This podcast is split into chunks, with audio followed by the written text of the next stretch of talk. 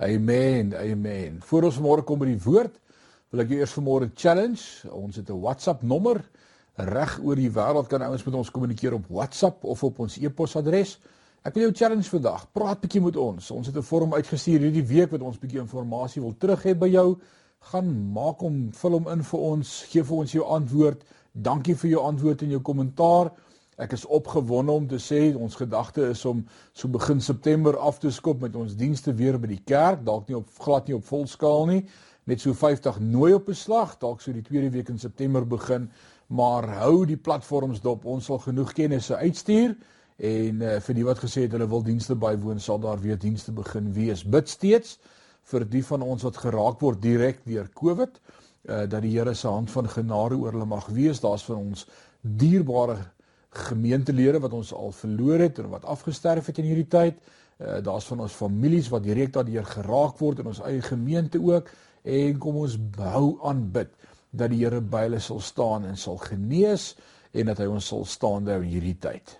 Amen. 'n Heerlike voorreg om vanmôre saam met jou te kuier. Ek hoop jy's uitverkoop vir die volgende 10-15 minute wat ek met jou wil praat vanmôre en my hart met jou wil deel oor die nuwe norm. Wat is hierdie ding van die nuwe norm. Ek wil vanmôre sê kom ons dink bietjie. Daar's een ding wat almal van ons vanmôre in gemeen het, almal van ons.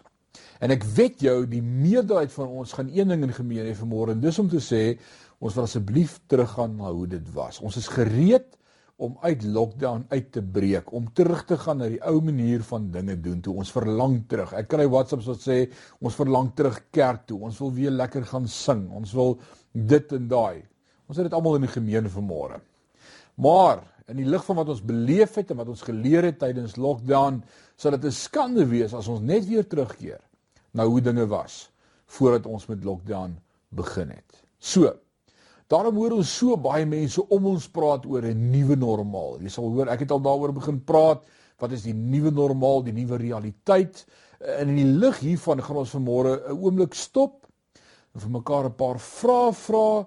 Vanmôre wil ek dan vir jou vra, wat het jy geleer Of wat het ons geleer uit lockdown uit? En wat gaan ek met my saamdra vir die res van my toekoms? As ek en jy deur lockdown sou gaan en niks geleer het nie en niks verander nie, sou dit 'n skande wees. So vanmôre gaan ons vra, het ons almal iets geleer? Ek wil sê daar sekerlik die belangrikste ding uh, op 'n punt bietjie humor wat ons geleer het in hierdie tyd en ons het almal gedink as daar so katastrofe die wêreld tref, sal ons genoeg blikkies kos moet hê of genoeg petrol vir die generator moet hê of genoeg water in die watertank. Dit was toe nie die belangrikste nie. Die belangrikste faktor vir ons almal wat die wêreld as 'n krisis beleef het, was toe al die tyd toiletpapier. Wie sou dit kon dink? So ons leer altyd iets nuuts tydens hierdie krisisse en dit wat met ons gebeur. So vanmôre gaan ek jou bietjie uh, stretch, ek gaan bietjie nuwe vrae vra vir jou. Ek wil môre vir jou vra, wat het jy so ver geleer? Hoe maak dit jou beter as in jou verlede? As jy nie vanmôre vir my sê ek is so ver op 'n beter plek as waar ek was nie, dan het jy nog niks geleer nie. Uh as ek nie gaan stop en hierdie vraag vra nie, gaan ek vergeet. En dit sal 'n skande wees dat ons niks geleer het nie. Vanmôre wil ek met jou share dit wat ek gelees het uh in hierdie week wat verby is, uh 'n boekie van C.S. Lewis. C.S. Lewis het het 'n het 'n paar fenominale stukke geskryf in sy dag. En, en hierdie boekie se naam is The Problem of Pain. The Problem of Pain. En ek lees vir jou 'n paar paragrawe uit sy boek vanmôre. Bly net by my. Uh, geniet dit net saam met my oomblik. En kom ons hoor wat sê hy. Hy sê my own experience is something like this. I am progressing along the path of life. In my ordinary, contently fallen and godless condition. Absorbed in a merry meeting with my friends for the morrow of a bit of work that tickles my fancy, when suddenly a stab of abdominal pain that threatens serious disease, or a headline in the newspaper that threatens us all with destruction sent this whole pack of cards tumbling down. At first, I am overwhelmed and all my little happinesses look like broken toys. Then, slowly but reluctantly, bit by bit, I try to bring myself not to f- the frame of mind that I should be in at all times. And perhaps, by God's grace, I succeed. And for a day or two, become a creature consistently dependent on God and drawing its strength from the right sources. But the moment the threat is withdrawn, Nou ek en jy weet wat volgende gaan kom wat hy gaan sê. Die oomblik as die krisis nie meer 'n krisis is nie. Die oomblik as dit nie meer 'n gevaar is nie, was ek en jy nie al soveel keer in ons lewe daar gewees nie. Dis die storie van ons lewe. Dalk is jou storie van môre so ver dat jy kan sê maar my man of my vrou het op 'n dag by my gekom en gesê ek het genoeg gehad, jy wil nie verander nie. Dis die laaste kans wat ek jou gee. Dis verby. Ek wil skei en jy na God uitgeroep het, desperaat. En jou lewe op daardie plek gekry het waar hy moes wees. En daar herstel was net om weer toe dit alles goed gaan terug te keer nou dit was voor die krisis. Dalk dalk is jou storie vandag dat jy al in jou lewe uh, 'n uh, finansiële krisis beleef het. Iewers in jou lewe was jy op die op die rand van bankrotskap. Jy het na God geroep met alles wat jy het. Jy het gedink dis die einde. Jy het God eerste gesit in jou lewe. Het jou deur gedra, het jou gered. Dit het met jou begin goed gaan en net daarna het jy teruggekeer na hoe dit was. Dalk is jou storie vandag die oomblik toe die krisis verby is, toe ons maar net weer waar ons was. Dalk dalk sê jy ek het 'n kind uh, gehad wat siek was. Daar daar was 'n diagnose deur 'n dokter, dit was fataal. Dit was dit was die einde en ons het 'n God geroep en het ingegryp en daar was genesing. En toe gaan ons net weer terug na hoe dit was. Al hierdie voorbeelde laat my dink. Hoekom moet ons eers in 'n krisis beland voordat ons werk en kom op die plek waar ons weet ons moet wees. Wat skryf C.S. Lewis verder? Hy sê, "But the moment the threat is withdrawn, my whole nature leaps back to the toys. God has had me for a bit 48 hours and then only by ding of talking everything else away from me. Let him shed the sword for a moment. En hier is waar ons probleem soveel keer is en ons moet dit probeer vermy. En ons gaan vandag hieroor praat. Anders gaan ons terugkeer na hoe dit was. Hoor wat sê sy laaste sy laaste paragraaf. Hy sê let him sheath the sword for a moment and behave like a puppy when the hated bath is over. En nou wat gebeur? I shake myself as dry as I can and race off to reacquire my comfortable dirtness, if not in the nearest manure heap, at least in the nearest flower bed. Dit is net menslik van ons om so te wil optree. Om terug te gaan na die ou normaal, terug na hoe dit was. Dalk het lockdown en die feit dat daar nie tabak te koop was nie, jou geforseer om selfs op te hou rook. Dis 'n goeie 'n goeie ding wat jy gedoen het om daardie verslawing neer te lê. Dalk het jy gesê die feit dat lockdown so lank van ons gesê daar was nie drank te koop nie en daar was nie drank in jou huis nie en jy het vir so lank nie alkohol gebruik nie. Wel jy is nie dood nie. Maar die oomblik toe die bottelstoer weer oopmaak, is dit dalk die eerste plek waar jy weer terug is of sigarette gaan koop of terug na die ou normaal. Ek wil vandag vir jou sê dan het ons niks geleer nie. So die vraag wat ons vanmôre vir mekaar moet vra is, hoe gaan ek beter wees hierna? Wat het ek gedoen? Wat het ek geweet moet ek verander of eerder moet ek dalk vanmôre vir die vraag vra, wat moet ek begin doen wat ek al lankal moes gedoen het? Dis dalk 'n goeie vraag. Wat wat moet ons begin doen wat ek lankal geweet het ek moet doen. En jou storie kan of wees kan jy glo COVID-19 en lockdown het my huwelik gered. Het my en my vrou weer tyd gegee om met mekaar te connect en te praat en ons geforseer om meer tyd te hê vir mekaar. Dalk is jou storie vandag lockdown het my forceer om meer tyd te spandeer met my kinders en ons het mekaar weer ontdek en gevind en dinge begin saam doen. En was dit nie amazing nie? Ek kan self daarvan getuig in my huis waar ek so gewoond was aan 'n redreis en ewe skielik is ons die hele dag saam. Ek het twee nuwe seuns ontdek wat ek in jare vergeet het ek in my huis het. Ons kon connect. Ek wil dit nooit weer verloor nie. Ek wil nie weer teruggaan na die ou normaal nie. Ek wil nie weer die pa wees wat min by die huis is en min kwaliteit tyd spandeer met sy kinders nie. Ek wil hierdie verhouding met hulle bou. Wat se besluite het jy in hierdie tyd gemaak? Wat se veranderinge het jy in jou lewe gemaak in hierdie tyd? Wat mis jy? Wat moes ons meer gedoen het? Dalk sê jy, "O, oh, ek mis so my vriende en ek besef verhoudings is belangrik en ek moes meer aggeslaan het op belangrike verhoudings in ons lewe." Want nou kan ons nie kuier nie, ons mis dit. En ek besef die waarde daarvan om waarlik vriende te hê. Ek mis my vriende. Ek mis daai kuiers. Ek mis daai koffie, ek mis daai daai daai tye van saam fellowship en sommer net saam bid en saam huil. Ons mis dit. So wat moet ek anders begin doen?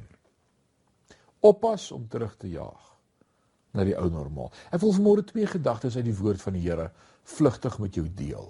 En ek hoop dit gaan vir jou hierdie twee prentjies skets van twee individue wat gekonfronteer is met waarheid en wat daarna gebeur. En die eerste een vind ek die storie wat vir ons vertel word, die ware verhaal van die ryk man wat na Jesus gekom het.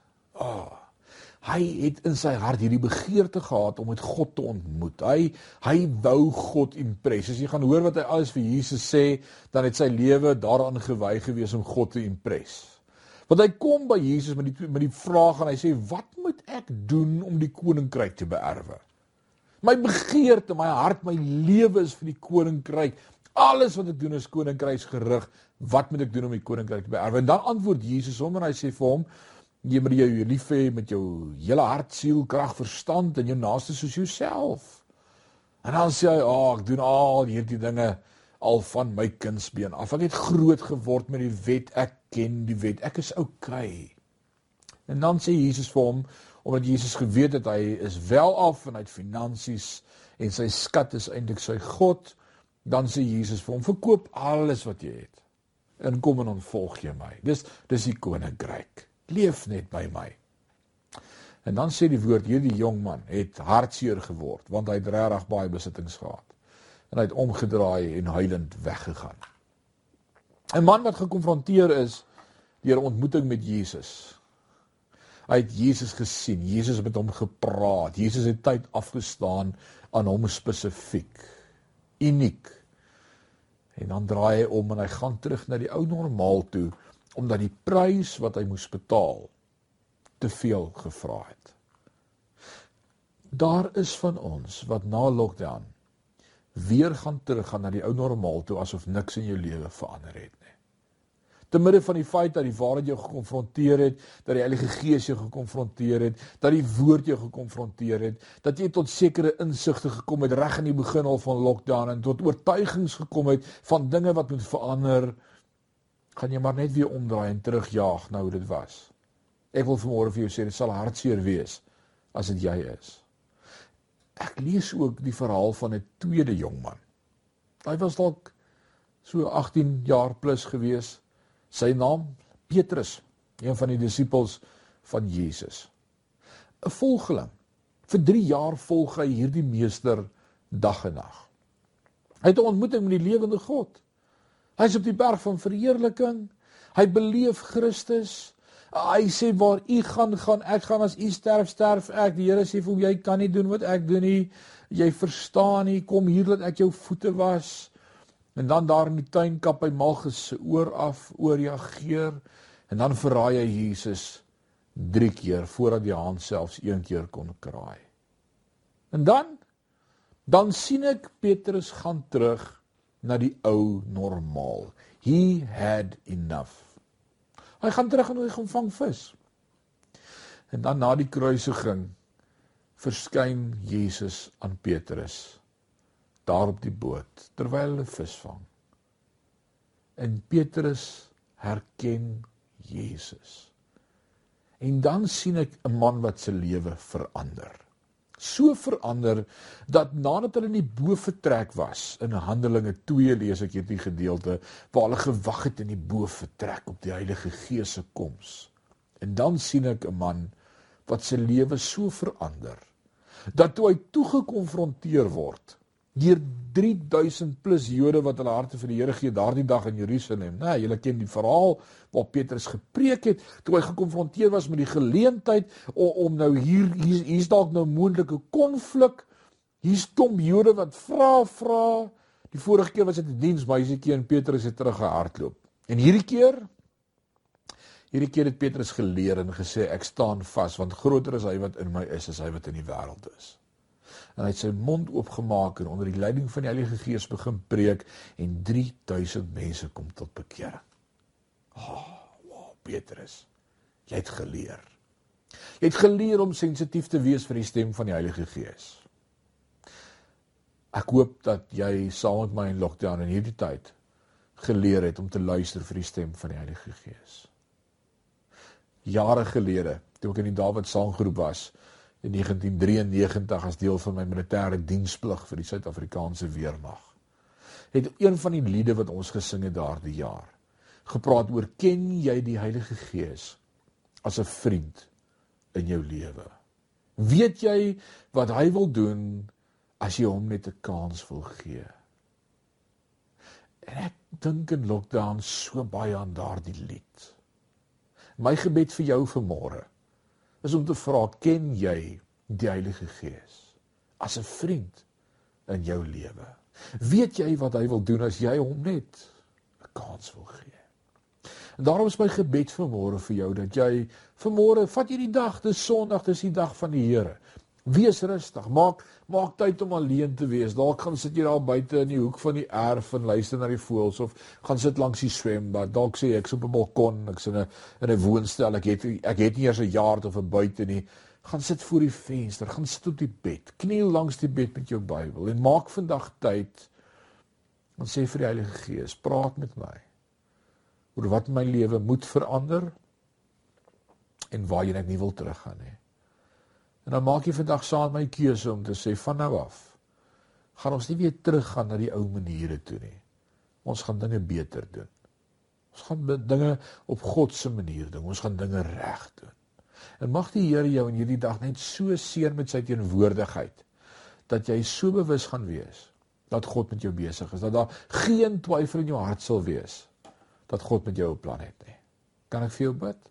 Kom ons bid saam. Vader, dankie vir u teenwoordigheid. Ek is so bewus van die Heilige Gees. En dankie dat u nou saam met elke kyker en elke luisteraar ontmoet in hierdie oomblik.